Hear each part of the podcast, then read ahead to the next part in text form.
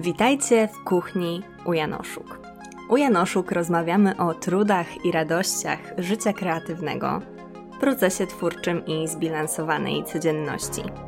Od kuchni to z kolei seria, w której zapraszam do siebie osoby korzystające z kreatywności w swoich działaniach, niezależnie od tego, czy są abstrakcyjnymi malarkami, inżynierami pokładowymi czy prężnie działającymi biznesmenkami. Moja kuchnia to miejsce, gdzie rozmawiamy o tym, co dzieje się po drodze, bez mitów i stereotypów, ale też bez przytłaczania i presji.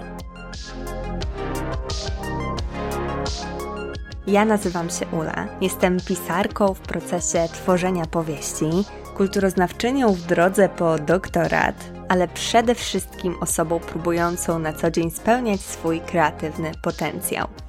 Dziś moją kreatywną kuchnię odwiedziła Ania Ulanicka. Jeśli słuchacie odcinka z tej serii po raz pierwszy, przypomnę tylko, że rozmowa składa się z dwóch części. W pierwszej zadaję zawsze te same pytania, a w drugiej to y, osoba, która mnie odwiedza, proponuje temat do rozmowy. Ania zaproponowała temat świetny, który bardzo często też, o którym myślę, też czasem poruszam, czyli temat y, poszukiwania własnego stylu.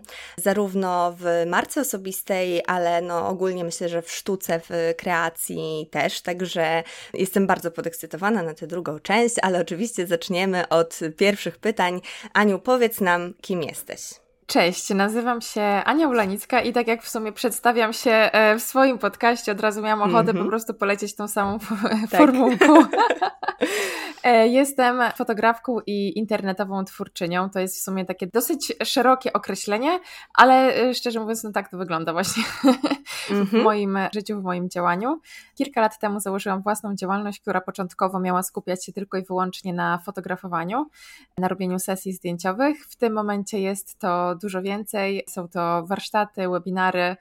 Napisałam w ubiegłym roku również e-booka, gdzieś tam e, jakieś blogowanie, instagramowanie i te wszystkie piękne, twórcze rzeczy, które można e, robić w internetach. Super. E, myślę, że ta kategoria, zdarza się właśnie, że tej kategorii używają osoby odwiedzające moją kuchnię. Twórczyni wydaje mi się takim hasłem, taką, taką kategorią bardzo szeroką i która, jeżeli działamy w różnych sferach, bardzo ładnie to wszystko zbiera, no bo jednak to wszystko też w Twoim przypadku opiera się na kreacji i na właśnie tworzeniu rzeczy. Także mm, zdecydowanie jest to też jedno z moich ulubionych słów, a do wszystkich miejsc e, Twoich w internecie oczywiście też będziemy linkować. To wszystko będzie na stronie odcinka, także e, będzie dzisiaj myślę, że dużo rzeczy, które możecie sobie obczaić ze sfer, w których Ania się porusza.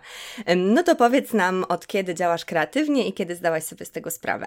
Kiedy działam kreatywnie, to tak jak sobie e, zacznę myśleć o tym, co robiłam w ogóle tak gdzieś tam od e, najmłodszych lat i tak dalej, no to aż kusi mnie, żeby powiedzieć, że od zawsze, no bo w sumie czego byśmy nie robili, no to jednak ta kreatywność e, się przejawia. Ja ogólnie zawsze miałam problem z jakimś tam wyborem swojej ścieżki i tak dalej, no bo bardzo lubiłam e, tworzyć, robić jakieś takie bardziej kreatywne rzeczy, jakieś, nie wiem, rzeczy związane gdzieś tam z plastyką, z muzyką, e, bo jednak też byłam w szkole muzycznej i tak dalej, ale z drugiej strony też e, bardzo lubiłam jakieś przedmioty ścisłe i tak jak sobie teraz przypomnę, mimo tego, że jestem tak naprawdę z wykształcenia architektem, co też w sumie, no to jest jednak zawód inżynierski, ale z drugiej strony bardzo, bardzo kreatywny. I tak jak sobie przypomnę, że nawet, nie wiem, z jednej strony uczyłam się do zadań z fizyki, a z drugiej biegałam na rysunek. E, z trzeciej strony gdzieś zaczęłam fotografować, ale jednak prowadzenie biznesu to e, no nie kojarzy się raczej z kreatywnością, jeśli chodzi gdzieś tam o jakieś sprawy po prostu typowo związane z prowadzeniem biznesu, jakieś, nie wiem, księgowość, dokumenty i takie tam różne e, super sexy rzeczy. I tak, i tak jak sobie w ogóle o tym tym myślę, bo tak z jednej strony myślę o sobie oczywiście o kimś, kto tworzy coś, z drugiej strony jak byłam jeszcze architektem, no to, no to też jednak to był zawód twórczy to tak naprawdę mam wrażenie, że zawsze i wszędzie jesteśmy kreatywnie, że każdy zawód jest e, zawodem kreatywnym i nawet, może nie nawet, w szczególności, kiedy napotykasz na jakieś problemy na swojej drodze, na jakieś wyzwania, jesteś kreatywna, po prostu musisz być kreatywna. Czy jesteś, e, nie wiem, inżynierem, czy jesteś artystką i malujesz obrazy, czy jesteś jakby totalnie kimkolwiek innym. I jejku, dla, jejku, to jest tak szerokie po prostu słowo, że mogłabym tutaj po prostu na 58 e, różnych stron w ogóle z tym brnąć. To prawda. ale nawet tak przyziemne rzeczy, jak nie wiem, robisz sobie w domu ciasto i zabraknie ci jakiegoś składnika. No jesteś kreatywna, bo sobie coś tam wymyślisz innego.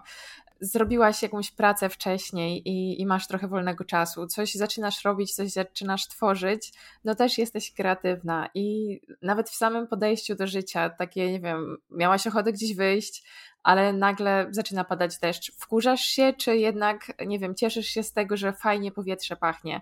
I to też jest dla mnie kreatywność. Także mm-hmm. to jest takie po prostu tworzenie, takie, nie wiem, takie rozbudzanie, jakby, nie wiem, takiej swojej jakiejś wewnętrznej twórczości, energii. I tak podsumowując sobie odpowiedź na to pytanie, od zawsze, wszędzie i po prostu zawsze. Mhm. Ja bardzo się cieszę, że powiedziałaś te rzeczy, bo bardzo często jest tak, że kiedy mówi się kreatywność, to naszym rozmówcom i rozmówczyniom przed oczami stają osoby, które właśnie działają najczęściej w obszarze sztuki, mhm. a ja też jestem z tego obozu, który uważa, że kreatywnie możemy działać w bardzo różnych sferach i tak jak powiedziałaś, w zasadzie w każdym zawodzie. To, co jest bardzo ciekawe też, e, o czym wspomniałaś, to te problemy, że bardzo często tej kreatywności używamy używamy, być może nieświadomie, jeżeli nie uważamy się za osoby kreatywne, właśnie do rozwiązywania problemów, czy do jakichś opanowywania właśnie jakichś takich zmiennych, tak jak -hmm. mówiłaś o zmianie planów, o jakichś takich czynnikach, które się pojawiają. I mam nadzieję, że to dobitnie wybrzmiało też dla naszych słuchaczek i słuchaczy, bo wiele osób boi się używać tej kategorii, boi się mówić o tym, że jest osobami kreatywnymi, a tak naprawdę jest to umiejętność, której używamy na co dzień i -hmm. z której możemy korzystać niezależnie od tego, czy właśnie jesteśmy fotografkami, czy inżynierami pokładowymi, czy robimy cokolwiek innego, więc myślę, że to jest naprawdę świetne i bardzo fajne jest to, że masz też taką świadomość tego. Tak, e, A chciałam Cię zapytać, czy miałaś taki moment, kiedy właśnie Cię tak e, olśniło, kiedy zdałaś sobie sprawę właśnie z tego, że ta kreatywność jest tak wszechobecna? Czy zawsze to było dla Ciebie takie raczej naturalne?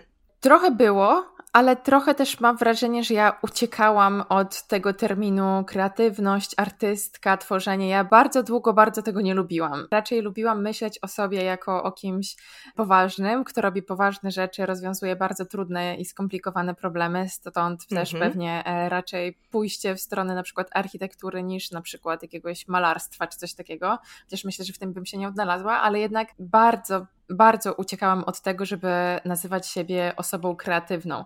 Raczej e, patrzyłam na siebie w taki sposób, że mam przed sobą jakiś problem, mam przed sobą super ważną rzecz do zrobienia, super wielki problem do rozwiązania i szukałam czegoś, po prostu e, okazji do robienia takich rzeczy ważnych.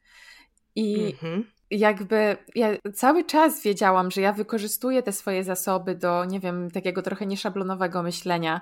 No bo dla mnie to na przykład jest kreatywność, że, że masz jakieś zasoby i że potrafisz je wykorzystać w jakiś oryginalny, elastyczny sposób. To nie jest to, że po mhm. prostu nagle tworzysz po prostu coś z niczego, tylko potrafisz te swoje doświadczenia przekuć w jakieś nowe rozwiązania, na które być może po prostu w pierwszej sekundzie byś nie wpadła. Ale ja to w swoim zawodzie, kiedy pracowałam jeszcze w architekturze, też robiłam. Mimo, że -hmm. ja się wtedy uznawałam za osobę bardzo nietwórczą i bardzo nie, niekreatywną, w sensie takim, że po prostu tutaj muszę konkretnie coś zrobić i konkretnie coś wyliczyć i to musi spełniać konkretną funkcję, to po prostu takie od linijki w ogóle.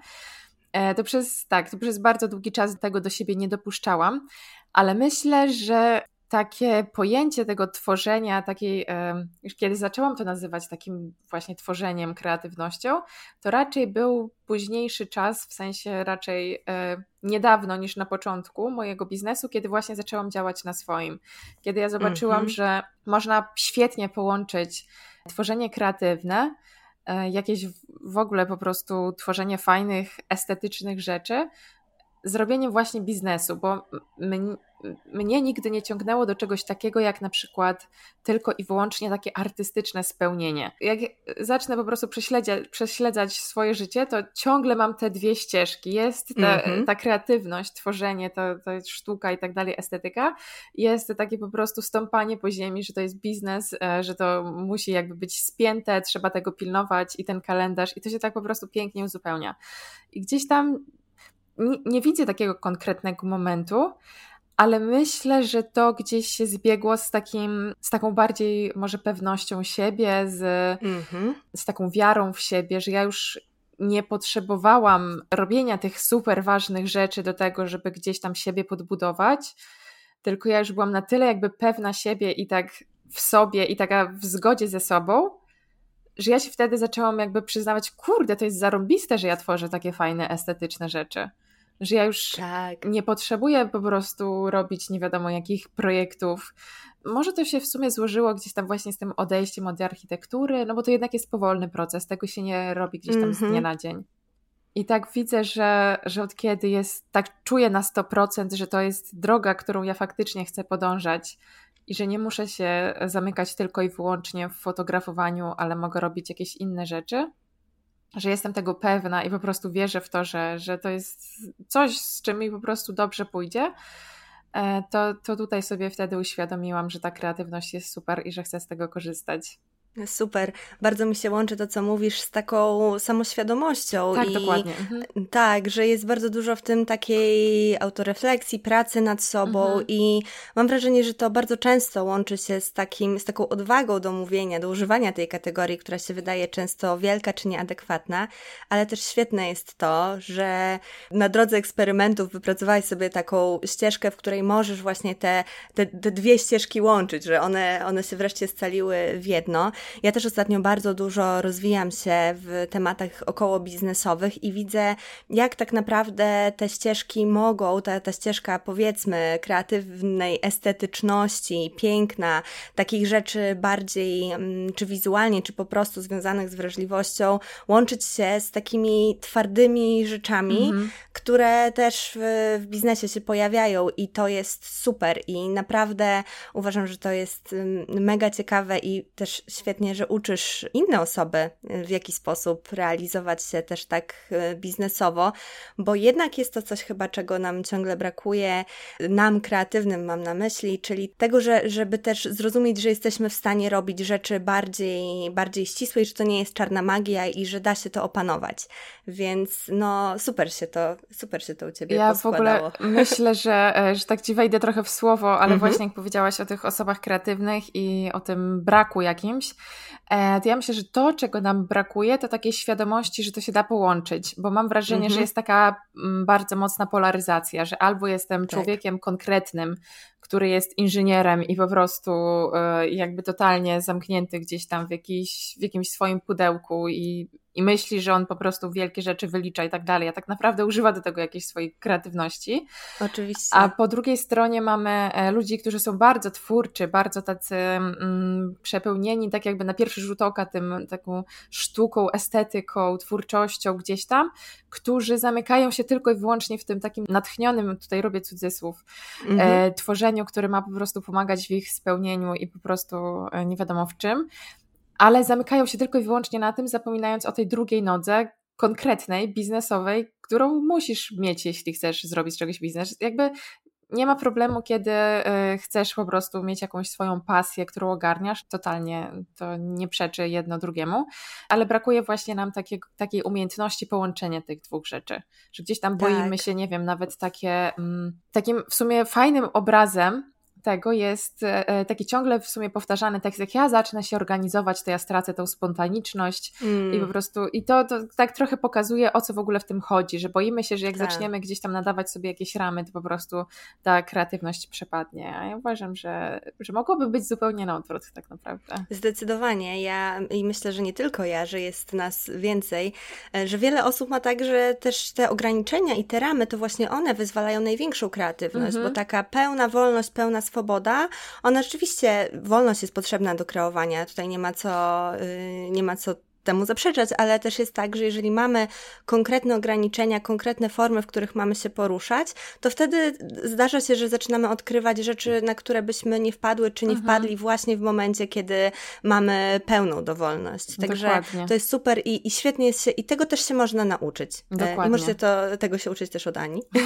E, ale ja polecam ogólnie, jeżeli jesteście osobami twórczymi i myślicie, że takie ogarnianie nie jest dla Was, to, to naprawdę jest do zrobienia zrobienia i, i trzymam kciuki, żeby się to udało, bo właśnie nie ma sensu tak się polaryzować i naprawdę znacznie więcej rzeczy jest pomiędzy niż na tych dwóch przeciwnych biegunach Dokładnie. i może się okazać, że wasza kreatywność jest tym, co czyni was naprawdę silnymi w takich na przykład miękkich sferach tworzenia -hmm, biznesu. -hmm, e, na przykład chociażby empatia w tworzeniu produktów. Uważam, że to jest coś świetnego i warto też tę stronę sobie pójść i to zgłębić.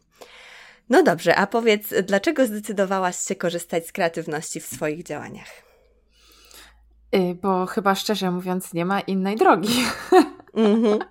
Jakby, jeśli Tak już się spodziewałam, że powiesz coś takiego w momencie, no, kiedy no... usłyszałam Twoją odpowiedź na poprzednie pytanie. No tak, jakby teraz jakby nie widzę totalnie, e, totalnie innej możliwości. Jakby mamy tak fantastyczne zasoby, które możemy w tak fajny, chciałam powiedzieć kreatywny, ale to w sumie twórczy sposób wykorzystywać, że jakby ja naprawdę nie widzę totalnie żadnej innej opcji i nie wiem, jak można naprawdę rozwiązywać problemy e, jakiekolwiek, czy prywatne, czy biznesowe, bez używania kreatywności. No zresztą, tak jak już powiedziałyśmy, używamy kreatywności e, nawet jak nie chcemy tego robić.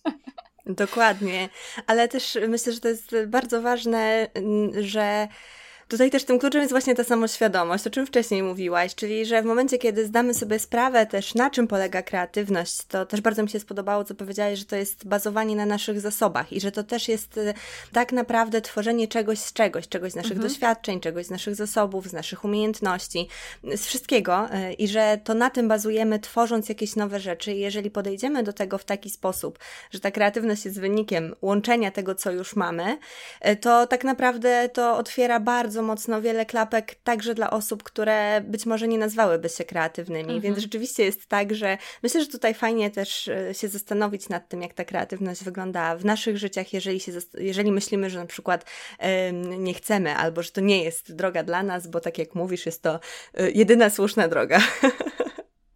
Tak, totalnie. A gdzie jesteś na swojej kreatywnej drodze, a gdzie chciałabyś być?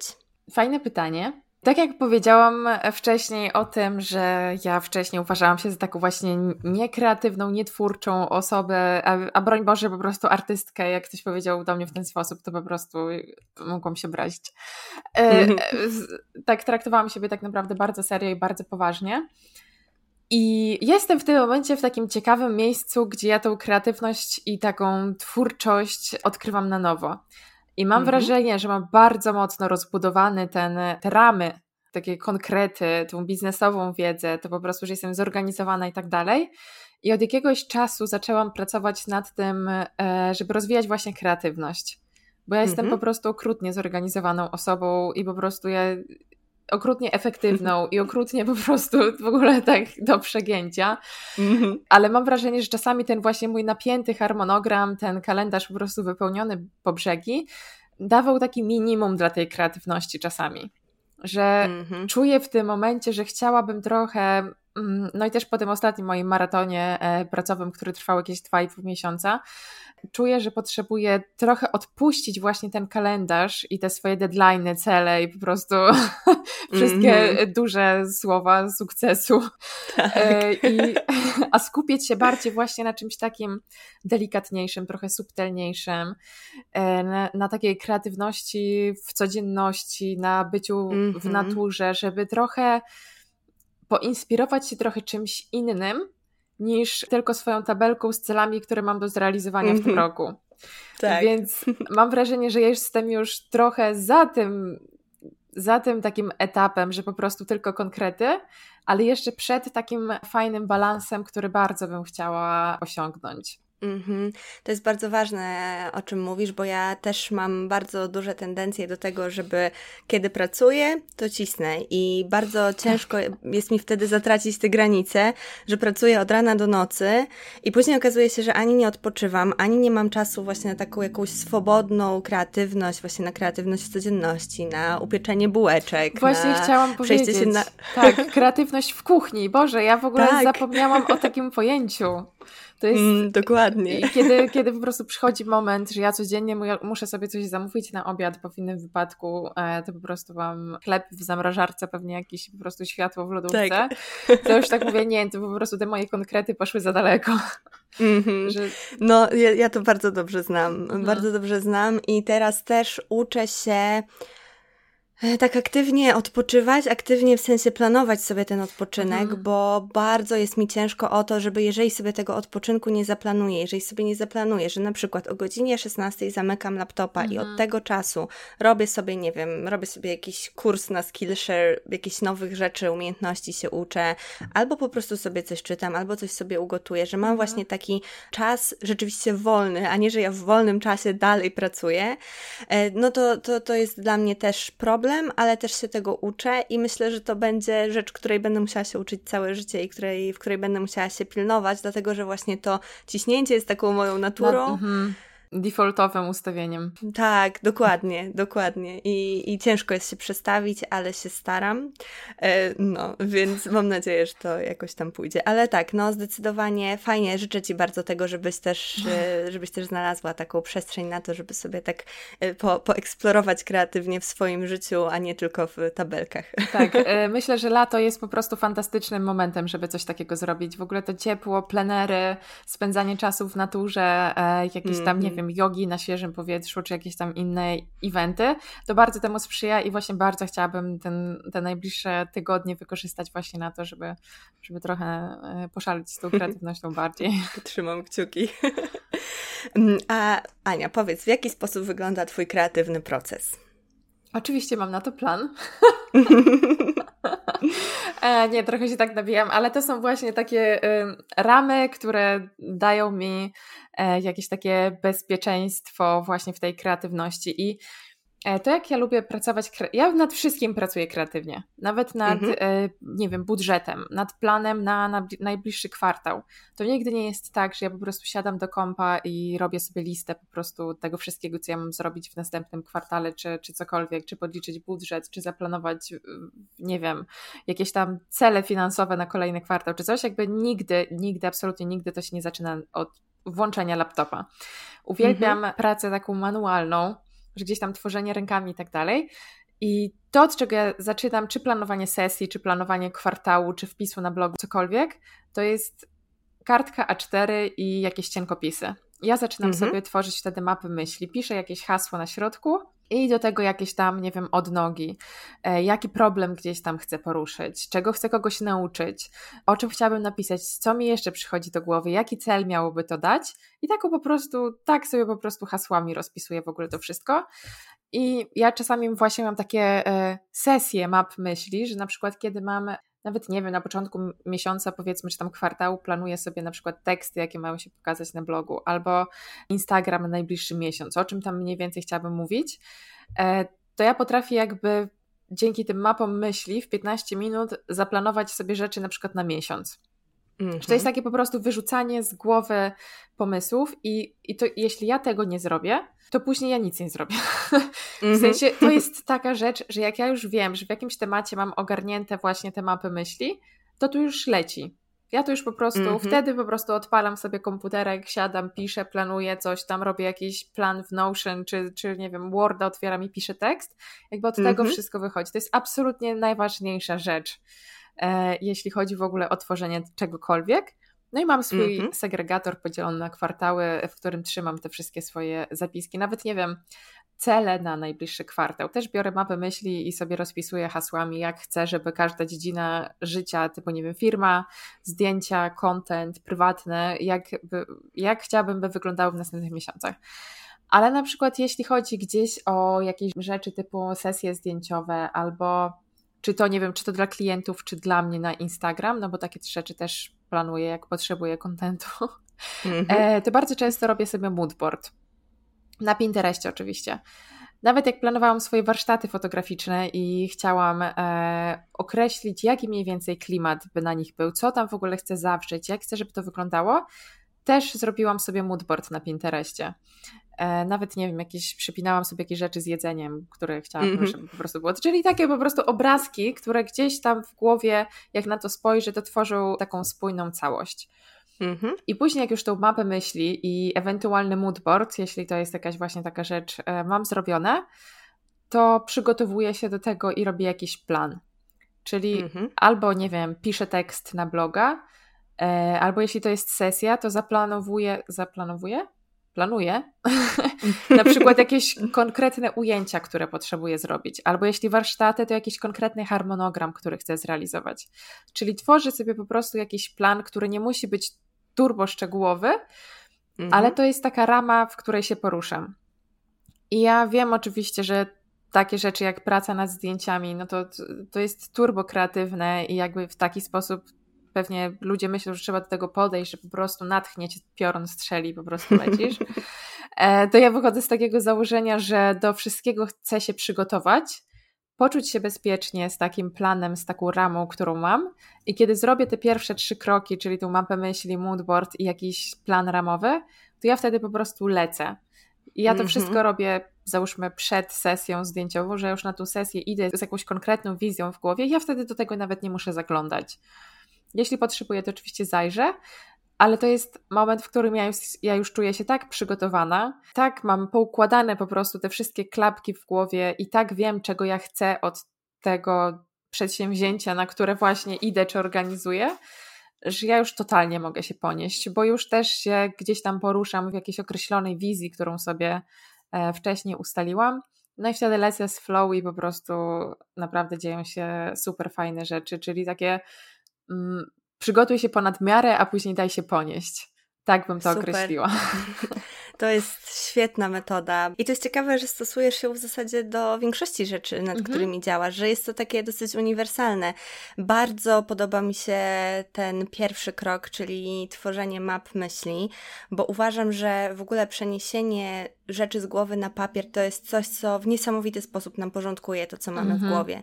I że rzeczywiście ten plan tak naprawdę jesteś w stanie stworzyć tylko dlatego, że masz rzeczywiście wypisane wszystko to, co w tej głowie się działo. Wiadomo, że to może się zdarzyć tak, że na tej mapie się pojawią rzeczy, które później się nie pojawią Jasne. w jakby ostatecznej selekcji, ale to jest super. Chciałam tylko dodać, że jakby mózg zupełnie inaczej działa, kiedy masz przed sobą papier i e, w ogóle chyba w tej książce, Boże, jak to się nazywa, o głębokim, o szybkim i wolnym myśleniu. To jest Kahneman. Boże, pułapki myślenia? Chyba coś takiego. E, no, że mamy... Po, po wpiszemy w, e, tak. na stronie odcinka. Tak, chyba w ogóle tam nawet coś takiego było, że mamy coś takiego jak myślenie szybkie, czyli gdzieś tam. E, Boże, nie wiem, czy ja nie pomyliłam tych terminów, e, ale w sensie samych terminów, ogólnie ideę mhm. pamiętam, e, że gdzieś tam takie szybkie decyzje, gdzieś tam jakieś, nie wiem, tutaj muszę iść do sklepu, to jest myślenie szybkie, automatyczne i tak dalej. Mhm. E, że jakby robisz coś po prostu z automatu. A jest też myślenie głębokie czy wolne, nie pamiętam, ale będzie no, wiadomo o co chodzi. Będzie kiedy wiadomo, się nad jakimś problemem i jakby sięgamy trochę głębiej. To już nie jest automat, mm -hmm. tylko my nad czymś myślimy. I często e, w momencie, kiedy nie wiem, coś tam robisz na telefonie czy na kompie, robisz to po prostu z automatu. A w momencie, tak. kiedy bierzesz kartkę papieru i bierzesz długopis do ręki, nie masz tych wszystkich rozpraszaczy, mózg się przełącza na to myślenie takie, gdzie rozkminia, gdzie sięga trochę głębiej, no bo no nie wiem, no nawet sobie tak wyobrażając w tym momencie, no nie da się tak pisać z automatu, nie wiedząc tak naprawdę o czym piszesz. Także jak dotykasz tak. tym długopisem kartki, to jakby ja na przykład widzę po sobie, że absolutnie nie jestem w stanie przejść takiego procesu myślowego przed komputerem niż e, właśnie na kartce. Dlatego to jest absolutnie, mogłabym wszystkie kolejne punkty pominąć, ale ta kartka jest zawsze. Jest y, podstawą. Tak, ja bardzo dobrze też znam to z mojego procesu pracy i pewnych rzeczy po prostu nie jesteśmy w stanie zrobić na komputerze, chociażby w takiej mapie myśli nie jesteśmy w stanie, nie wiem, zrobić jakichś dziwnych połączeń. To też jest właśnie takie... Są jakieś aplikacje, ale to jest ja też tego nie, nie czuję. Naprawdę kartka papieru jest jednak w tej sytuacji niezastąpiona. Ostatnio właśnie na mm, wyjeździe z inkubatorem Uniwersytetu Warszawskiego na Brave Campie przygotowywałam się też w ten sposób do wystąpienia.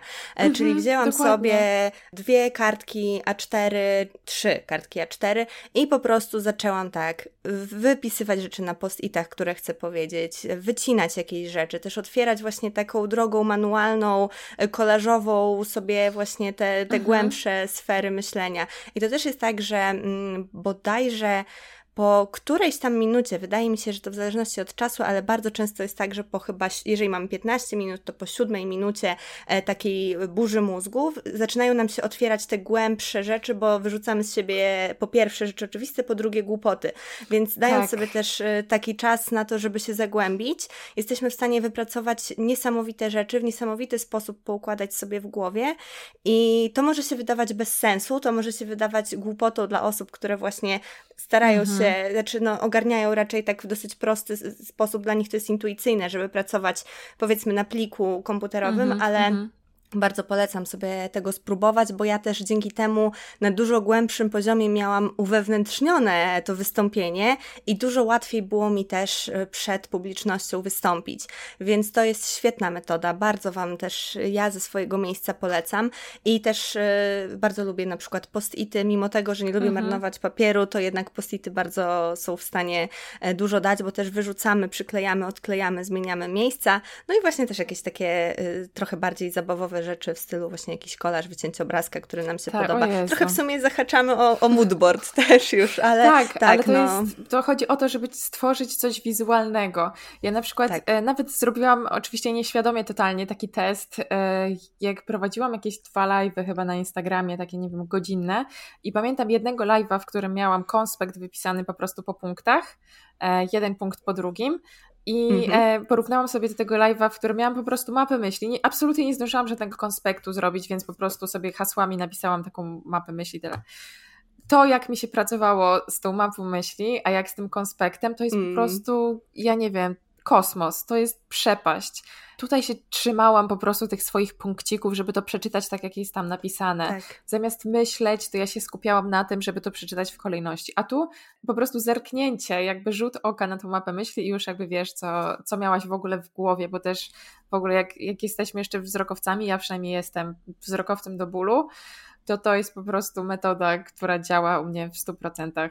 Ja z kolei jestem y, ruchowcem, Aha. ruch, o, mhm. ruchowczynią, kinestetyczką. E, I mi z kolei sam, sam proces e, wyrzucania, przepisywania. Ja na przykład też w momencie, Czyli kiedy te moodboardy, czegoś... nawet to wycinanie. Zobacz w ogóle jak Dokładnie. To... Mhm że właśnie same te, te gesty, dlatego jest mi łatwiej się uczyć na pamięć rzeczy, które robię manualnie, albo się ruszam, albo też mam mhm. stosunek mhm. emocjonalny do nich, a właśnie w ten sposób ja się lepiej uczę. Warto sobie też sprawdzić, czy, bo wiemy o wzrokowcach i słuchowcach, ale nie wiemy, że jeszcze mhm. można się mieć łatwość w uczeniu się właśnie poprzez ruch. I ja tak mam i byłam, to było dla mnie wielkie odkrycie. W ogóle jakiś psychotest w internecie zrobiłam i odkryłam i to było naprawdę to, bo ja nawet czytając jakieś teoretyczne teksty na uczelni, to mam tak, że jak zrobię sobie jakieś szkice, jakieś mapy myśli, mhm. to od razu zupełnie to jest y, inna rozmowa, ale właśnie nie dlatego, że wzrokiem to opanowuję, a mam poczucie, że po prostu wpycham mhm. to w, tak. siebie tym długopisem na tej kartce, tak. więc tak. no to jest na wielu wymiarach świetna, świetna opcja, więc jeżeli jeszcze Was nie przekonałyśmy do moodboardów, no to, to nie wiem, co Was przekona. Warto Naprawdę serio. warto spróbować, tak, zdecydowanie, to jest świetna sprawa. No dobrze, e, a powiedz, jakie środki, idee, narzędzia pomagają Ci realizować Twoje kreatywne cele? Na pewno, tak jak już powiedziałam wcześniej, właśnie ten papier, e, jakieś, nie wiem, mazaki, cienkopisy, długopisy, jakby cokolwiek, to jest absolutnie podstawowe narzędzie w ogóle mojej pracy, kreatywności i w każdej dosłownie dziedzinie. E, wbrew pozorom też kalendarz, ja się mhm. bardzo niekomfortowo czuję, kiedy mam przed sobą e, jakieś rzeczy do ogarnięcia, nie mam tego wrzuconego w kalendarz, bo jakoś tak w mojej głowie to urasta po prostu do ogromnych rozmiarów i mam wrażenie, że potrzebuję trzech tygodni na ogarnięcie czegoś, a okazuje się, że to mhm. zrobię w trzy godziny, kiedy to, to je wrzucę do tak. kalendarza. Także to jest po prostu narzędzie, które daje mi bardzo dużo poczucia bezpieczeństwa i takich mhm. właśnie ram, w których ja się czuję bezpiecznie, że to jest wszystko takie zaopiekowane, uporządkowane, że tu się nic nie dzieje gdzieś tam jakoś bez przyczyny i nie wiadomo kiedy i po prostu jakby takie e, e, rozmemłane. Także na pewno kalendarz. E, a, wiem w sumie, o czym też chciałam powiedzieć. Nie wiem, czy to będzie jakieś takie z innej strony spojrzenie, czy nie, ale na pewno e, sprzęt, który jest dobrej jakości. Mhm. Jakby to mi ogromnie pomaga w mojej pracy. Ja nie znoszę pracować na rzeczach, które się psują.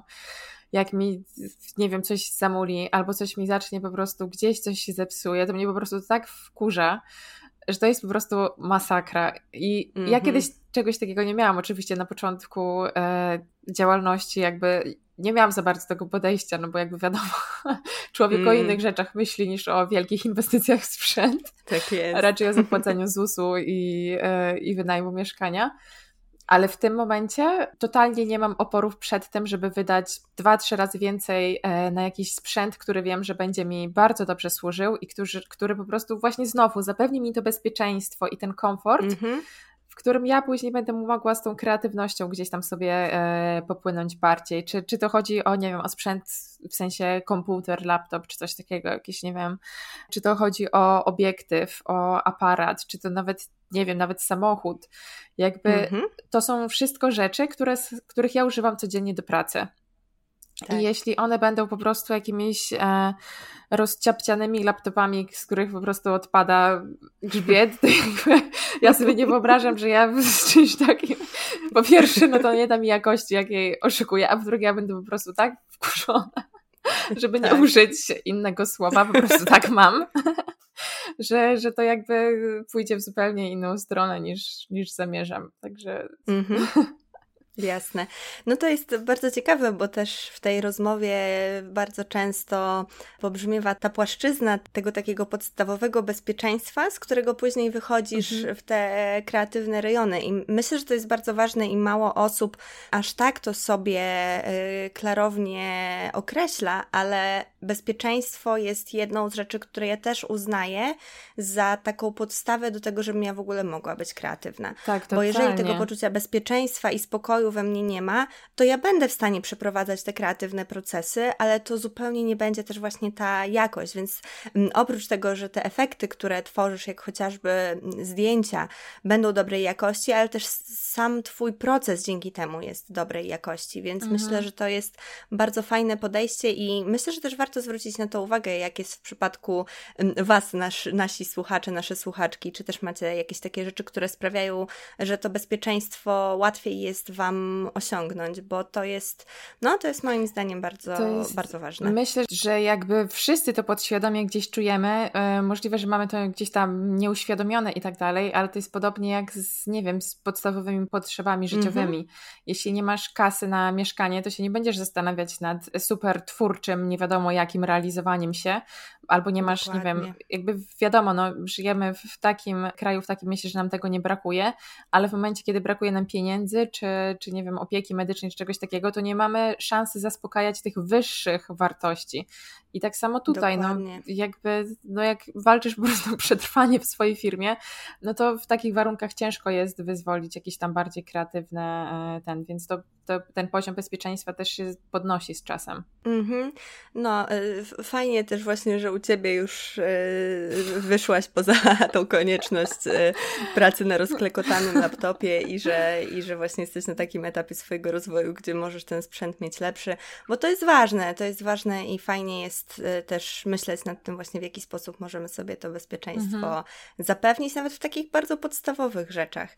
Wiadomo, że są sytuacje, z którymi sobie tak łatwo nie poradzimy, na które nie mamy bezpośredniego wpływu, właśnie tak jak powiedziałaś, czy system opieki zdrowotnej, czy różne rzeczy, które są po prostu zewnętrzne w stosunku do nas, e, ale też myślę, że warto wiedzieć, że to jest ok, jeżeli w takich sytuacjach nie, nie mamy, tak. nie czujemy tych możliwości kreatywnych, bo tak jak powiedziałaś, kreatywność jako element samorealizacji jest w ogóle na szczycie naszych potrzeb, więc jeżeli mhm. wcześniejsze potrzeby nie są zaspokojone, to jest jasne, że nie będziemy też dążyć do tego, żeby tę kreatywność zaspokajać, więc też nie ma co się biczować jakoś tym, że w sytuacjach trudnych nie jesteśmy zajęte przede wszystkim tą kreatywnością, tym kreowaniem. Okej, okay, a co jest dla Ciebie najgorszym, a co najlepszym aspektem kreatywności?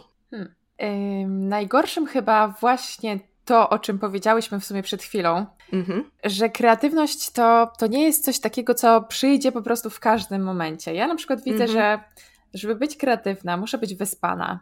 Muszę dbać o siebie, muszę dobrze zjeść, muszę się poruszać, muszę zaspokoić jakieś właśnie te swoje najważniejsze potrzeby. E, nie mogę się stresować jakoś strasznie I widzę, że właśnie takie stany jakiegoś takiego, jakiejś takiej dysharmonii, takiego braku balansu, albo nawet jakieś emocjonalne wydarzenia bardzo mocno mm -hmm. wpływają na to, e, na to, jak wygląda po prostu moja kreatywność. Jak coś się sypnie mm -hmm. gdzieś w życiu prywatnym, nie wiem, z kim się pokłócę po prostu, e, czy jakieś turbulencje, nie wiadomo jakie, to ja sobie nie wyobrażam, znaczy na pewno jakby włożę te 150% swojej energii, po prostu zepnę ten poślad i po prostu będę kreatywna, ale ja wiem, że po czymś takim, jak wrócę do domu, to będę musiała odsypiać trzy dni, bo jakby to tak. będzie gdzieś tam ponad moje siły. Więc wydaje mi się, że właśnie najgorsze jest to, że że to jest tak zależne, to jest delikatne bardzo, tak bym to nazwała, mm -hmm. że naprawdę mm -hmm. musi dużo rzeczy się złożyć na to, żebyśmy czuły się no, znowu na tyle bezpiecznie, tak. żebyśmy mogły po prostu pójść w zupełnie jakimś innym kierunku i, i gdzieś tam wyzwolić tą swoją kreatywność i, i, czasami zadbać o takie rzeczy totalnie jakby nie bezpośrednio związane z, z tym. A najlepsze to jest to, że jak już sobie na to pozwolimy, jak już zadbamy o te warunki i wejdziemy w takie jakieś kreatywne flow, to to jest po prostu coś cudownego. Ja wtedy mam wrażenie, że świat nie istnieje i gdzieś mogę się zagłębić w tą swoją pracę i te parę godzin po prostu zlatują jak kilka minut mm -hmm. i naprawdę tworzę fajne rzeczy wtedy. I też to, co jest ważne, mam taką satysfakcję i radość z tego, co robię. Że jakby to nie jest tak. takie, wiesz, jak na przykład czasami musisz coś zrobić, czego nie lubisz i po prostu i klepiesz, i klepiesz, i klepiesz mm -hmm. i po mhm. prostu ci idzie tak krew z nosa. Tak. E, a jak, a jak gdzieś właśnie wejdziesz już w to kreatywne tworzenie, gdzieś tam zaczniesz myśleć, wyrzucać pomysły, to to jest takie odżywiające też mam wrażenie, że jednak mm -hmm. mimo, że oddajesz tą energię, że, że tą energię poświęcasz na zrobienie czegoś, to z drugiej strony czujesz się fajnie i masz jeszcze więcej tego powera. I to jest takie wyciszające też mam wrażenie, mm-hmm. bo to jest takie tak. mindfulness, takie uspokajające, że w coś się zagłębiłaś, nic ci nie przeszkadzało, nie myślisz wtedy o tym, że o Boże, muszę Instagram sprawdzić, o Boże, muszę tak. Face'a sprawdzić i po prostu latasz w ogóle jak taki chomik po tych wszystkich rzeczach. tylko naprawdę się tak w coś zagłębiasz i dla mnie to aż po prostu jakieś mam ciary, jak to powiedziałam. w sensie, bo tak aż, aż sobie przypomniałam o takich rzeczach, które robiłam że to jest takie po prostu jak taka najlepsza medytacja, w takim mm -hmm. najlepszym po prostu tego słowa znaczeniu. Nawet jeśli, jeśli robisz coś po prostu, nie wiem, co jest zawodową częścią, znaczy częścią zawodowego tak, życia. Zdecydowanie. I to ja też bardzo dobrze znam ten stan i też bardzo mm, dużą radość czuję, kiedy też o tym mówisz, bo to jest taki stan, który myślę, że większość osób, które coś tam sobie w życiu kreowały, mają, takiego właśnie pełnego zanurzenia w ten proces. Mhm. I, I to jest świetne. I tak jak mówisz, jednym z super aspektów tego jest właśnie to, że się nie ma tej pokusy, żeby zaglądać na Instagram Instagrama i scrollować. I bardzo to lubię i rzeczywiście to jest forma medytacji, forma takiego właśnie, no właśnie takiego pełnego zanurzenia w ten proces twórczy i rzeczywiście on jest w jakiś sposób, no wiadomo, że nie jesteśmy w stanie tworzyć bez końca, bo też nam się w pewnym momencie te zasoby wyczerpują, no jasne. ale jednak jest takie poczucie mimo wszystko odpoczynku, mimo wszystko mhm. takiego jakby no, duchowego właśnie odżywienia i to jest, no Jesteś to jest wyczerpana, super. ale masz dużo satysfakcji i to jest takie tak. po prostu psychicznie odżywiające też. No to na koniec tej pierwszej części dokończ proszę zdanie. Od kuchni jestem i e, określenie, które e, określa Cię, jaka jesteś od kuchni. Chyba trochę nieprzewidywalna. Mhm. E, myślę, Mimo wszystko. Tak, tak. Ja po prostu mam taki tryb działania, że jak mi zaczną pomysły przychodzić do głowy, to, to po prostu ja od razu mapa myśli, kalendarz, sklep i po prostu to leci i jestem zobowiązana tak. na dwa miesiące webinarów po jednym pomyśle. Jak, więc e, ja takich rzeczy nie planuję w styczniu, to po prostu się rodzi z dnia na dzień. Jak uważam, że to jest pomysł, który warto spróbować, to, to po prostu za tym idę. Mhm. Myślę, że też taka mm, radosna, może trochę inspirująca, bo jak e, coś mnie jara, no to ja po prostu od razu oczy mi się świecą i to po prostu jest zupełnie mhm. inna energia. E, ale też taka pełna skupienia na swoim placu zabaw, w którym ja się fantastycznie bawię z tym wszystkim i, i po prostu mhm. zapraszam -hmm. wszystkich, żeby, żeby bawili się razem ze mną w tym, co ja tam znowu wymyśliłam. Także to takie Fantastyczne. bardzo, e, myślę, takie soczyste i radosne, tak jak sobie o tym tak. myślę. tak, piękne, naprawdę. To jest właśnie też taki stan, do którego myślę, że wszyscy i wszystkie w tej kreatywności dążymy. Ja też jestem zdania, że kreatywność opiera się na radości. Jestem bardzo przeciwna też temu mm, myśleniu, że żeby coś tworzyć, to musimy cierpieć, jak na przykład Werter.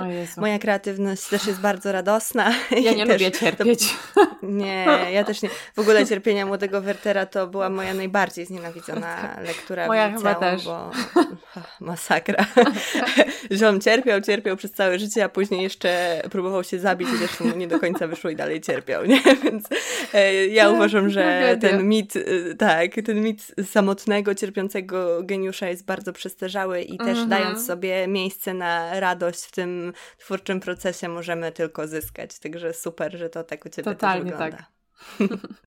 Przechodząc do drugiej części rozmowy, zaproponowałaś, żebyśmy porozmawiały o poszukiwaniu własnego stylu, i mam poczucie, że to jest bardzo, bardzo ważny temat, bo w świecie, gdzie wszystko już było, tak nam się przynajmniej wydaje, mm-hmm. my, kreatywne osoby, mamy takie poczucie, że bardzo chcemy stworzyć też coś oryginalnego, i też poruszałam ostatnio ten temat, więc też jest y, na Instagramie, więc też jest mi bardzo bliski, i często właśnie czujemy tę presję, żeby znaleźć ten swój styl. Powiedz, jak to wyglądało w Twoim przypadku? Jak u Ciebie wyglądały te poszukiwania Twojego stylu? To przede wszystkim długi proces. To mhm. się nie dzieje z dnia na dzień i po prostu gdzieś tam, jak my się rozwijamy, ewoluujemy, no to ten styl e, jakby rozwija się z nami. Pamiętam, że w ogóle na początku prowadzenia własnej działalności, gdzie jakby zaczęłam dużo bardziej intensywnie fotografować niż wcześniej, no bo jakby po prostu nie musiałam chodzić do pracy, mhm. więc miałam na to dużo więcej czasu. E, to bardzo dużo czasu, znaczy bardzo mocno inspirowałam się innymi osobami. Oczywiście fotografami przede wszystkim, ale też nie wiem, były jakieś inne osoby, inne zawody i tak dalej, ale że bardzo mocno czułam, że ja nie wiem po prostu, jak ja chcę fotografować, co jest moje, co nie jest moje, jak chcę, żeby zdjęcia ostatecznie wyglądały, jakie to mają być kadry, jaka obróbka i tak dalej. I tak jak patrzę w ogóle na to z dzisiejszej perspektywy, to po prostu wszystko, w ogóle wszystkie puzelki jakby wskakują na swoje miejsce i to się wszystko ładnie ze sobą łączy. Mm -hmm. Że to mhm. też wynikało z takiego braku pewności siebie, braku takiego poznania siebie, może nawet niepewności, tylko takiego, że ja tak naprawdę nie wiedziałam do końca też, kim ja jestem po prostu jako człowiek. Mm -hmm że gdzieś tam się próbowałam zawsze dopasować pod jakieś ramy, komuś się przypodobać, gdzieś się nagiąć. No, skończyłam dopiero studia, więc jakby po prostu e, mój mózg był sieczką po prostu wymagań e, różnych prowadzących na studiach, więc tak mm -hmm. naprawdę od prawej do lewej cały czas, bo każdy chciał czegoś innego. E, więc to też był jednak intensywny okres. Gdzieś tam praca, no to też, też wiadomo, że, że w pracy to też jest zupełnie coś innego. I przede wszystkim to, jak, jak ja tego stylu szukałam, może nawet tak nie do końca świadomie, to ja po prostu robiłam to, co do, do mnie należało, czyli robiłam te zdjęcia. Mhm. I pamiętam, że kiedyś po jakichś warsztatach fotograficznych chyba, czy, czy czymś takim, zaczęłam po prostu analizować to, co robię. Jakie to w ogóle jest, na czym mi zależy w mojej pracy, jakie ja cechy chciałabym uwydatnić, na czym chciałabym się najbardziej skupić i co zrobić z takim swoim e, znakiem rozpoznawczym. I po prostu często zadawałam sobie takie pytania, jak, jak chcę być kojarzona, e, jak chcę, żeby były na przykład kojarzone moje zdjęcia, jakie słowa powinny przychodzić na myśl, kiedy ktoś patrzy na to, co robię. I wiadomo, że jakby ja nie, nie odpowiedziałam sobie na to od razu, Chociaż pamiętam, że zawsze lubiłam iść w takim kierunku takiej prostoty, minimalizmu, elegancji, i gdzieś to mi zawsze towarzyszyło, że te słowa to tak pamiętam po prostu, że one gdzieś tam były od zawsze. No ale to oczywiście było jakieś 3-4 lata temu, także mm -hmm. dosyć dawno, więc ja myślę, że nie wiem, może, może dwa lata temu poczułam, że to jest, że gdzieś tam odnalazłam jakiś taki swój kierunek bardziej. Najważniejszym chyba w ogóle w tym wszystkim było to, kiedy ja się oderwałam od tych swoich inspiracji. Mm -hmm. Kiedy już przestałam po prostu upychać to wszystko, co obejrzałam, przestałam próbować to upchnąć po prostu w swoje zdjęcia, że jednego dnia robiłam zdjęcia takie, drugiego śmagie, trzeciego dnia obrabiałam na złoto, e, bo taka akurat była moda, a czwartego dnia obrabiałam na po prostu wyprane zdjęcia, bo też taka była moda i tak gdzieś sprawdzałam te różne rzeczy, która mi gdzieś siądzie. Okazywało się oczywiście, że żadna do końca nie siadła, no bo jak mogła siąść rzecz, która nie należała do mnie, tylko po prostu kogoś innego. Tak. Więc jakby gdzieś tam próbowałam tych wszystkich butów innych ludzi, żadne nie pasowały do końca. E, okazało się, że trzeba było uszyć swoje buciki. Mm-hmm. I to się wszystko oczywiście łączy z tym, że ja gdzieś też się rozwijałam tak osobiście, w sensie nie tylko z biznesem, ale gdzieś jakoś e, próbowałam różnych rzeczy, jakieś książki rozwojowe, e, jakaś terapia, takie gdzieś tam jakieś warsztaty, że to też mi dodawało takiej pewności siebie, że ja mogę robić coś, co należy do mnie i że tak naprawdę to jest jedyna słuszna droga. Mm-hmm. I w momencie, kiedy, znaczy w momencie, to, to, to nigdy nie był moment, ale poczułam, że gdzieś w pewnym czasie coś takiego, że taki spokój po prostu do tego, co robię. I to było takie zmieniające nie tylko moje podejście do fotografii, ale też w ogóle do biznesu. Przestałam na przykład, nie wiem, żałować tego, że nie realizuję sesji, które gdzieś tam klient pisze, no fajne ma Pani portfolio, ja bym chciała inaczej. Ja dziękuję, ale nie umiem inaczej, do widzenia. W sensie, nie, nie w takim tonie też, no bo to wiadomo, że może nie ktoś no, zrobi to lepiej, jasne. może coś tam się nie dogadamy, ale ja zaczęłam czuć, że ja totalnie nie mam żalu za tym, czego nie zrobiłam, bo czułam, że, że to jest po prostu ze mną niezgodne i że po prostu ktoś zrobi to lepiej. W momencie, kiedy, nie wiem, przestałam bać się konkurencji, bo doszłam do wniosku, że jakby konkurencja tak naprawdę nie istnieje, bo każdy z nas robi coś innego. I w ogóle czytałam ostatnio super książkę mhm. o pracy, historia e, ludzkości tam w kontekście pracy.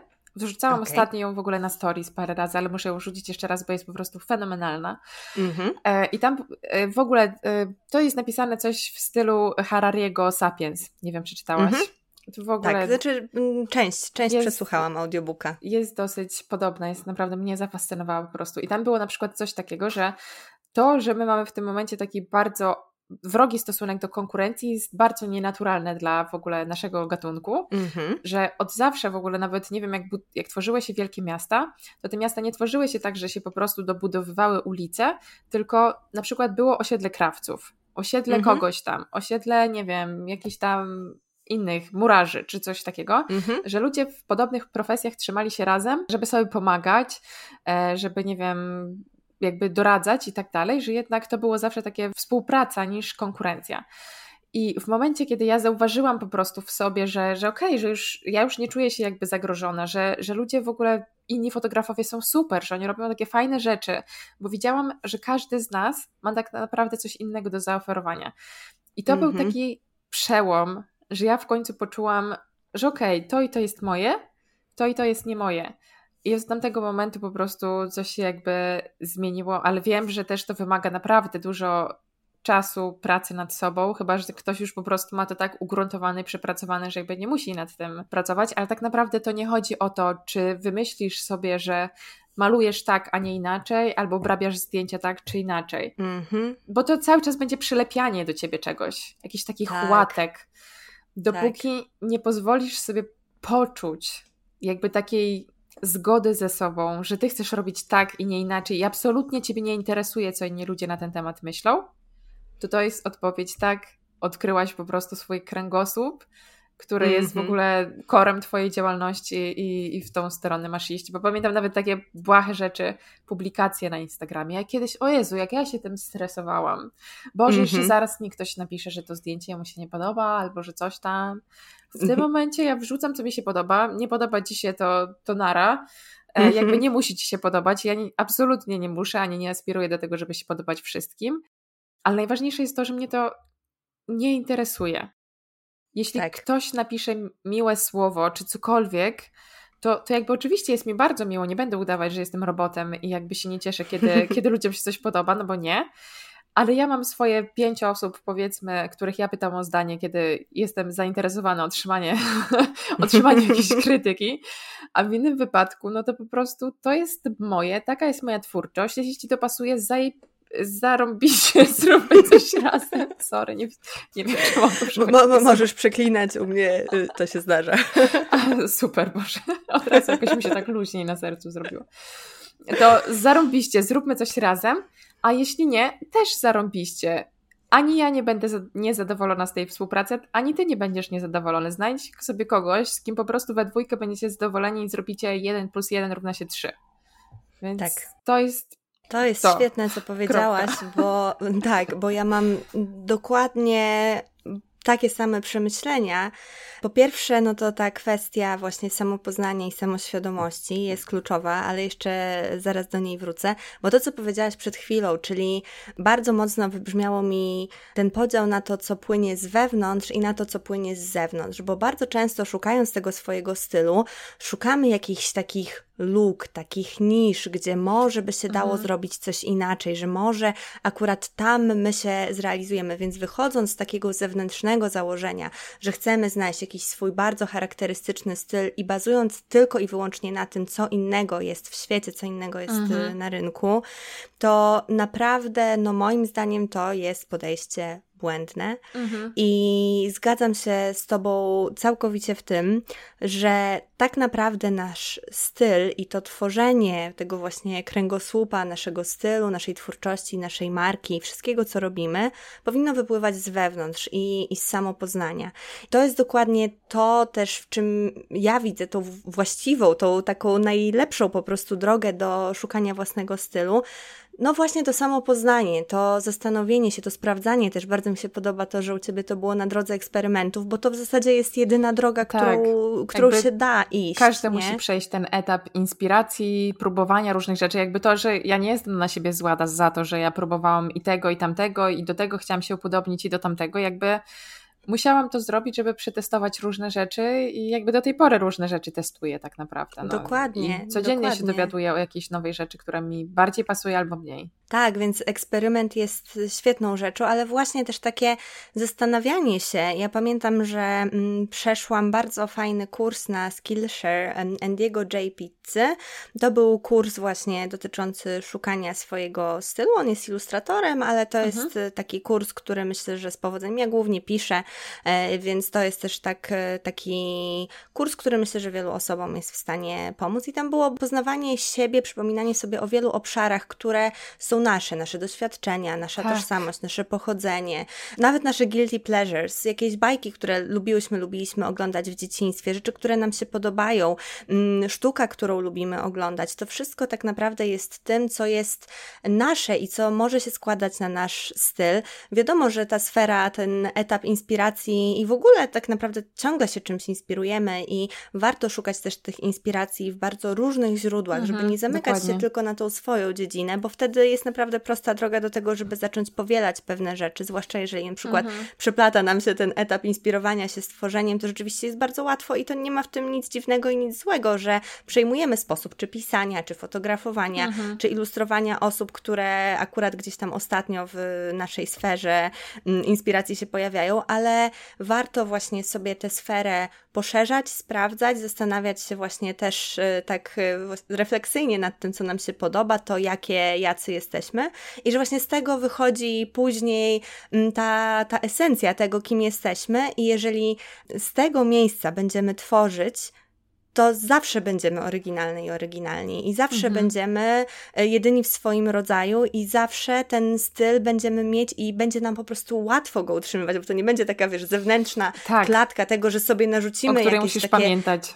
Dokładnie. I za każdym razem musisz się pilnować e, i nie możesz sobie pozwolić na tę swobodę i na tę wolność, a właśnie takie, taka naturalna rzecz, że to po prostu jesteśmy my w tej naszej formie wyrazu, w tej naszej sztuce, w, tej, w tych naszych projektach, cokolwiek, czymkolwiek tam się nie zajmujemy. Mhm, dokładnie tak. A powiedz Ania, bo wiem, że też ostatnio jesteś przed jednymi warsztatami, a drugie już jeszcze, jeszcze przed tobą, e, właśnie z fotografowania i wiem, że E, wiem, że też wspierasz w takim poszukiwaniu swojego stylu swoje warsztatowiczki, warsztatowiczów, nie wiem czy się tacy zdarzają, ale wspierasz osoby, które uczestniczą w Twoich kursach.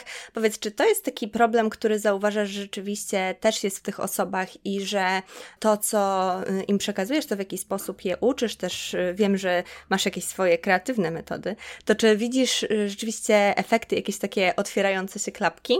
O Jezu, ale super, że w ogóle nawiązałaś do tych warsztatów, bo ja po prostu jestem e, cały czas pod wrażeniem tego, co się na tych warsztatach wydarzyło i, mm-hmm.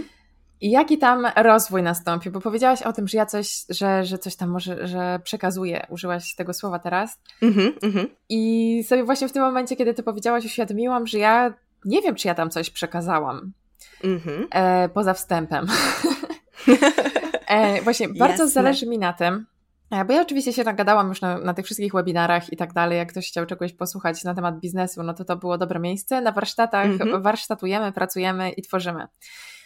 I właśnie to, nad czym ja bardzo właśnie chciałam popracować i na czym mi najbardziej zależało, to właśnie poszukanie takiego swojego kręgosłupa. Wiadomo, że tego się nie zrobi w jeden dzień, no bo tak jak już powiedziałam wcześniej, to jest proces i na tym się pracuje po prostu przez cały czas. Tak. E, ale chciałam wybić trochę z takich codziennych, właśnie wyślizganych ścieżek, w których po prostu się zagłębiamy, nie wiem, codziennie oglądając te same profile na Instagramie, codziennie oglądając te same magazyny, tą samą tablicę na Pinterestie, w której no niby codziennie coś możemy znaleźć nowego, ale to i tak są algorytmy dopasowane do nas. I to, co chciałam zrobić, to po pierwsze zrobić ćwiczenie, w którym skupialiśmy jakby najbardziej charakterystyczne cechy swojego stylu, ale nie właśnie w taki sposób, że coś tam wyliczaliśmy czy wypisywaliśmy z głowy i po prostu e, nam rozum podpowiada, że coś takiego trzeba zrobić, mhm. ale to było raczej wybieranie intuicyjnie rzeczy, które nam po prostu bardziej siedzą, tak po prostu odczuciowo, jakoś tak intuicyjnie.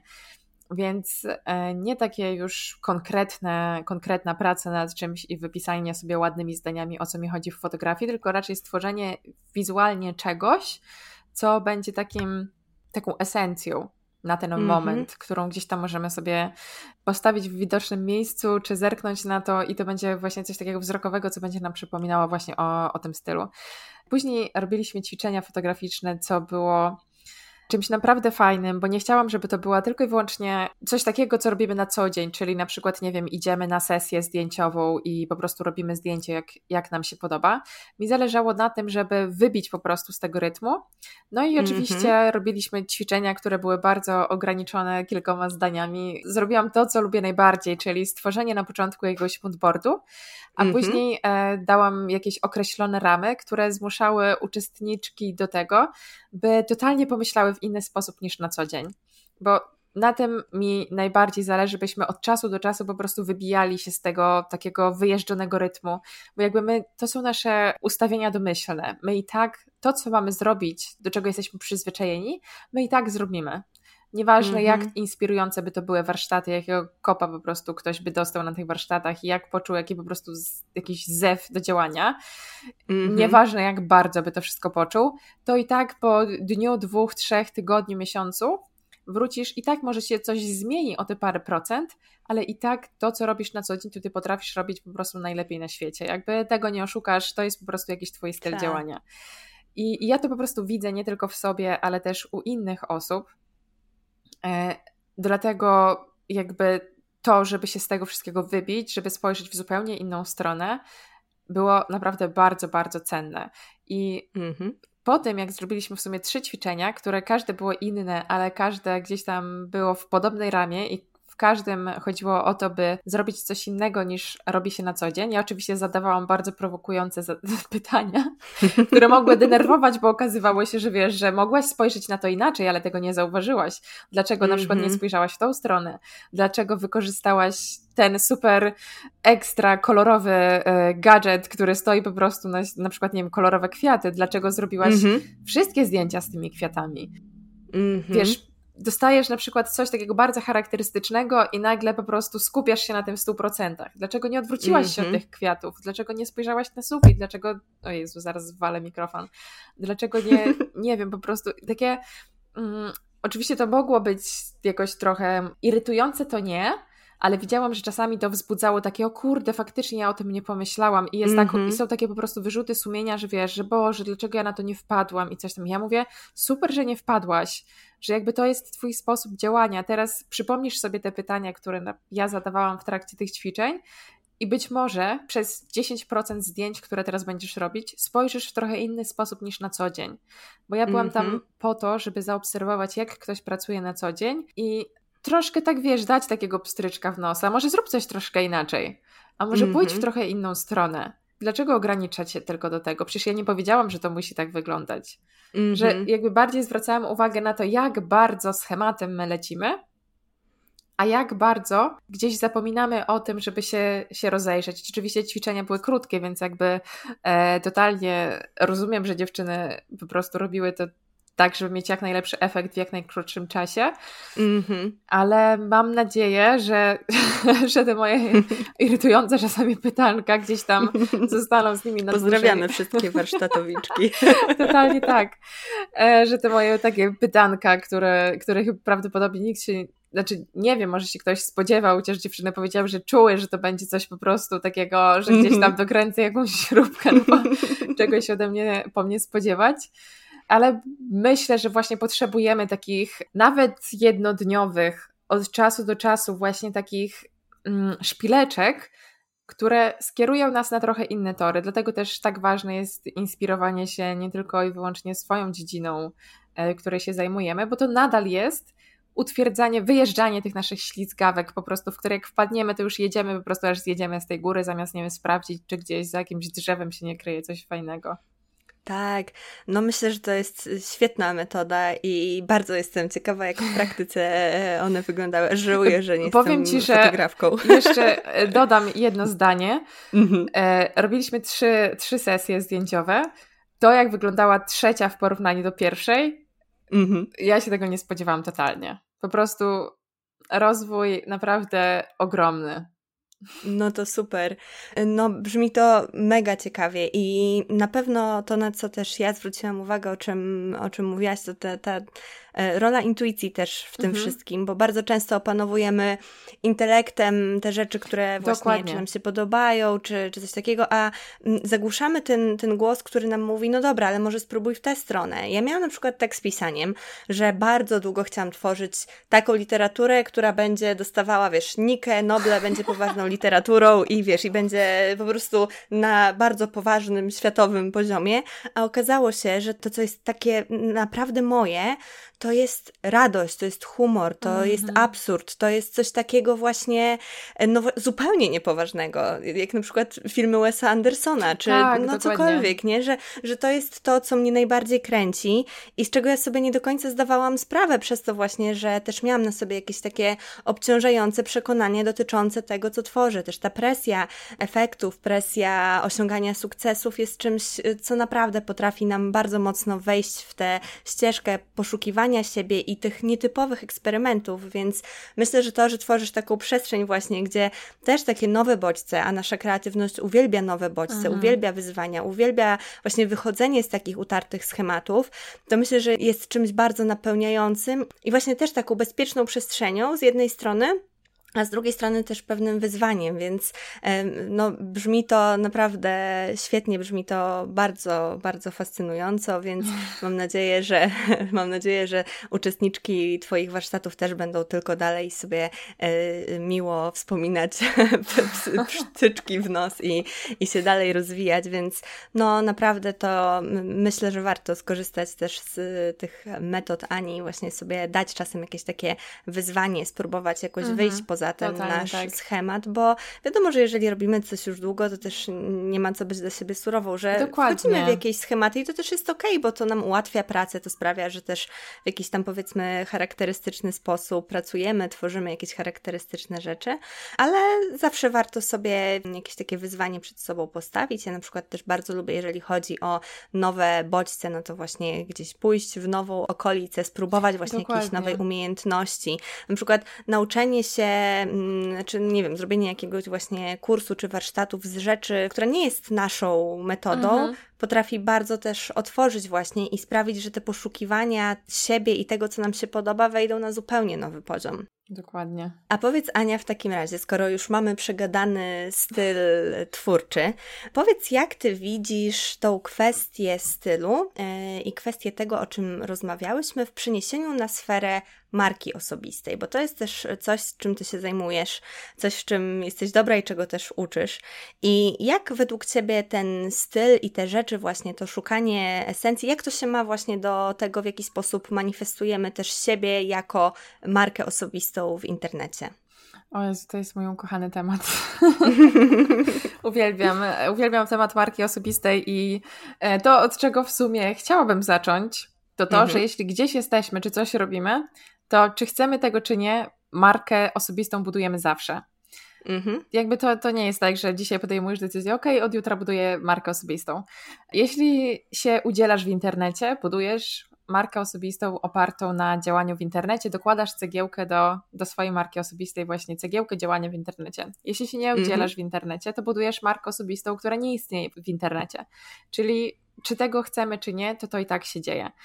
I uważam, że marka osobista to jest coś, co mamy, jakby coś, co tak mm -hmm. naprawdę, to nie jest tak, żeby to zbudować możemy ją na przykład w internecie właśnie, mm -hmm. ale my mhm. nie budujemy tej marki osobistej w sobie. My tą markę osobistą już mamy i ona się opiera tam na jakichś konkretnych czy mniej konkretnych cechach, które możemy odkryć, poznać i im lepiej siebie poznamy, tym lepiej będziemy się orientować w marce osobistej. I marka osobista może nas genialnie po prostu wesprzeć w komunikowaniu swojego stylu, swoich celów, swoich wartości, e, tego, co chcemy realizować biznesowo i niebiznesowo. Mhm. I to jest po prostu jedno w ogóle fantastycznie współdziała z drugim. Myślę, że tego się nie da jakoś w oderwaniu w ogóle nawet o tym mówić, bo, e, bo gdzieś tam styl to jest marka osobista, marka osobista to styl. I jeśli na przykład o mnie chodzi, to to, że ja się właśnie oparłam na budowaniu w internecie marki osobistej, a nie jakiejś tam marki firmowej i jakiejś tam swojej nazwy i dałam się poznać jako człowiek po prostu, jako całkiem sympatyczna, mam nadzieję, dziewczyna z internetu, która może być nawet znajomą koleżanką. Wzbudziłam mm -hmm. zaufanie w wielu osobach i pokazałam, że nie wiem, że prowadzenie własnego biznesu to nie jest jakieś tam po prostu nie wiadomo co, że to można robić z radością, z luzem. To moja marka w sensie moja firma, moja działalność naprawdę bardzo dużo na tym zyskała. I mm-hmm. im bardziej ja poznawałam siebie i swoją markę osobistą, tym bardziej to się przekładało na mój styl.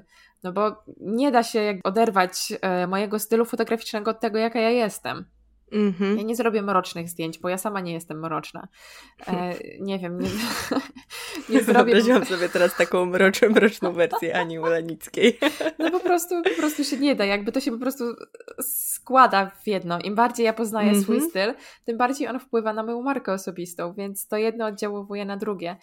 I to jest bardzo ciekawe. Ja bardzo lubię poznawać osoby, które stoją za jakimiś dziełami.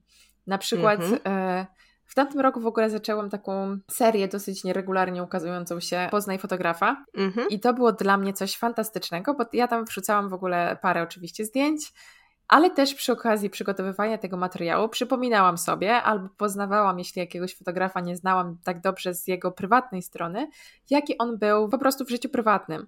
Mm-hmm. I te puzelki idealnie wskakują na swoje miejsce, mm-hmm. więc ja bardzo polecam, jeśli na przykład ktoś lubi jakiegoś twórcę, zobaczyć jaki on był w życiu prywatnym, co lubił, co robił, może da się dotrzeć do takich informacji albo obejrzeć jakiś film. To po prostu nie da się tego oderwać jednego od drugiego. Najlepszym mm-hmm. w ogóle mhm. przykładem z tej serii był Helmut Newton, którego pokazałam jako pierwszego. No, bardzo dużo miał na gości w swoich zdjęciach.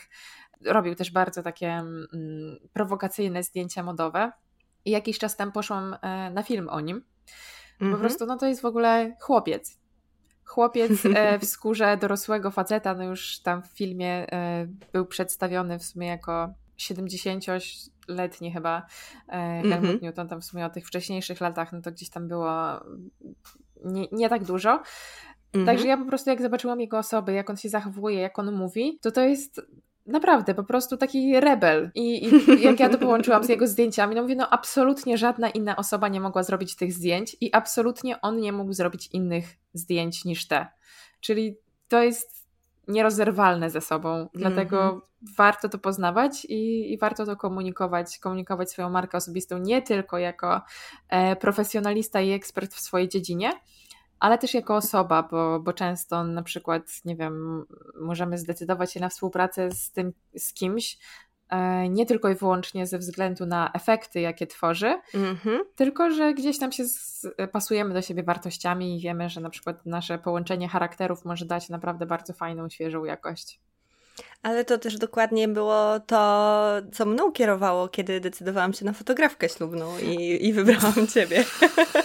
E, czyli właśnie nie to, yy, znaczy wiadomo, efekty. Dużo osób może zrobić podobne. Dużo osób może zrobić ładne efekty. Mhm. I to, że one się, wiadomo, że one się między sobą różnią, ale powiedzmy, że kilka efektów by mi odpowiadało. Mhm. Tak, dokładnie. Konkretny zbiór efektów by mi odpowiadał, ale to, co było czynnikiem decydującym i w ogóle, co też taki, taka trochę ślubna dygresja, co dla mnie jest czynnikiem decydującym o to, z kim ja się decyduję w ogóle na współpracę, jakich usługodawców ja zatrudniam, to jest to właśnie wartości oczywiście, jakie ta osoba ma, ale też vibe i też to, czy to jest fajna osoba i czy ja chcę po prostu zapłacić fajnej osobie. Dokładnie I myślę, tak. I myślę, że ta, ten Mhm. czynnik ludzki, to pokazywanie się jako człowiek, jako nie maszyna, która jest... Znaczy, wiadomo, że takie osoby też trafiają do swoich klientów, osoby, które z natury są takie profesjonalne, mają jakieś takie Mhm. właśnie bardziej em, powściągliwe może oblicze w internecie. Są osoby, które jak najbardziej też e, się decydują na takie współprace, ale no myślę, że to jest najlepsza droga do tego, żeby też, tak jak rozmawiałyśmy wcześniej, obie strony były zadowolone, że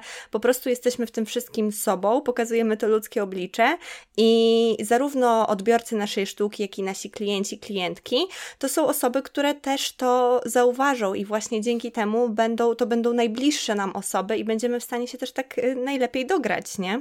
Dokładnie tak. To szczera komunikacja w ogóle swojej marki i swojej marki osobistej to jest po prostu najlepsza droga do tego, żeby przyciągnąć klienta, z którym klienta czy odbiorcę, no bo to też nie musi być klient, Mhm. e, z którym po prostu dogadamy się najlepiej i, i to jest po prostu jakby klucz do Tak, i to jest działania. taka sytuacja win-win, nie? Mhm. Że jesteś sobą, czerpiesz z tego, kim jesteś, jakie masz wartości, co jest dla ciebie ważne.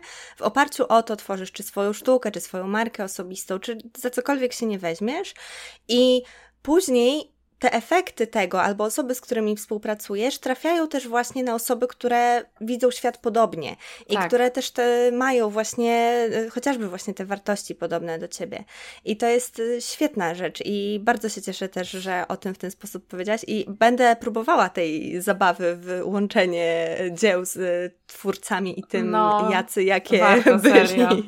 e, w tym prywatnym życiu, bo to rzeczywiście może być, e, może być naprawdę duży fan. Mm, No okej, to jeszcze na zakończenie, może tak Cię trochę przewrotnie zapytam. Jak Ty określiłabyś e, swój styl, zarówno w marce osobistej, jak i w fotografii? Mm, myślę, że nawet nie będę tego rozdzielać, Mhm, ale myślę, że taki luz, luz, e, spontaniczność, bezstresowość, mhm, e, swoboda, coś takiego, radość, mhm, ale też przy tym wszystkim rzetelność po prostu i takie. Mm, nie wiem, jak to odnieść do stylów fotografii, bo w sumie e, nie wiem, czy to się da, ale myślę, że w tym wszystkim, e, nawet w, w moim fotograficznym stylu, ale też w marce, czuć taki konkret. Że to też Mhm. nie jest takie oderwane od rzeczywistości i gdzieś tam nie fruwa sobie w chmurach, ale to, że ja jestem taka bardzo konkretna, jeśli chodzi o, o prowadzenie biznesu, o prowadzenie swojej marki, też gdzieś tam widać w stylu fotograficznym, że to jest tak bardzo usystematyzowane też. mhm, mhm. Super, no to, to była św- świetna rozmowa, Ania. Naprawdę bardzo się cieszę, że, znaczy przynajmniej według mnie, e, ale... Dla mnie też bardzo i cieszę się, że e, sama się poczułam, że muszę tutaj po prostu użyć e, jakichś swoich głęboko ulokowanych zasobów, żeby odpowiedzieć na te pytania, bo są naprawdę bardzo fajne i myślę, Cieszę że też się. dużo się rzeczy dowiedziałam o sobie w sumie odpowiadając na te pytania. Cieszę się. To jest też taki jeden z moich ukrytych celów, które mam, kiedy zapraszam Taka tutaj autoterapia e, osoby. też. Trochę tak, trochę tak, ale e, nie wiem, nie wiem, czy masz takie poczucie, ale czasem jest tak, że pewne rzeczy są dla nas tak oczywiste, że jeżeli podsumuje je na przykład osoba z zewnątrz albo dopyta o coś osoba z zewnątrz, to jesteśmy w stanie je sobie też lepiej i ciekawiej doprecyzować. To w sumie robiłaś na tak. swoich warsztatach. E, Czyli właśnie takie trochę e, spojrzenie z zewnątrz, dostrzeganie tych schematów, w których działamy, no a że rozwój jest dla mnie jedną z najważniejszych wartości w życiu, jak nie najważniejszą. U mnie no tak samo. Bardzo... No właśnie, więc e, bardzo lubię też e, i ja się rozwijam przez te rozmowy i też zawsze mam nadzieję, że uda mi się trochę pomóc, może jest tak właśnie z zewnątrz w, w rozwoju.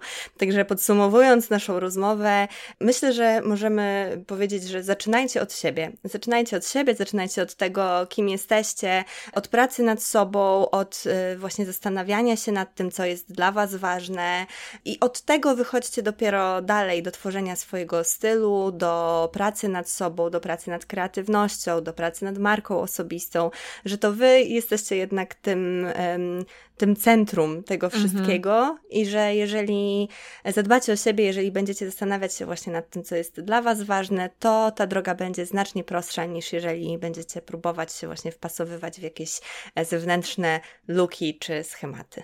Przepięknie to podsumowałaś. Absolutnie nie mam nic do dodania.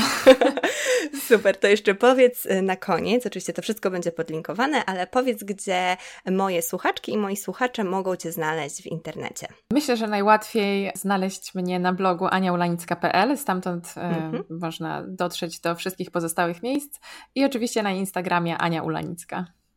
Super. Także odsyłam też do opisu. Bardzo Ci dziękuję za tę rozmowę. Była dla mnie mega wartościowa i wiem, że dla wielu osób też będzie. Ja również bardzo dziękuję za zaproszenie. Przemiło mi się rozmawiało. Mam nadzieję, że ten odcinek był dla Was wartościowy. Jeśli tak, to nie zapomnijcie podzielić się nim z kimś, kto mógłby z niego skorzystać, albo udostępnijcie go na swoich mediach społecznościowych. Jeśli zrobicie to na Instagramie, oznaczcie mnie, żebym mogła Wam podziękować. Znajdziecie mnie pod nazwą u podkreśnik Janoszuk. Tam też możecie mnie obserwować, żeby towarzyszyć mi w kreatywnej codzienności, czy po prostu do mnie napisać, żeby podzielić się swoimi spostrzeżeniami. Skąd Skontaktować się ze mną możecie też przez adres mailowy witajmałpa.u-janoszuk.pl Odnośniki do wszystkiego, co pojawiło się w rozmowie znajdziecie na stronie dedykowanej temu odcinkowi. Znajdziecie ją w opisie na platformie, na której słuchacie tego odcinka. Moja strona to www.u-janoszuk.pl I to tyle na dziś. Mam nadzieję, że do usłyszenia w kolejnym odcinku. técnico. Pá. Tá.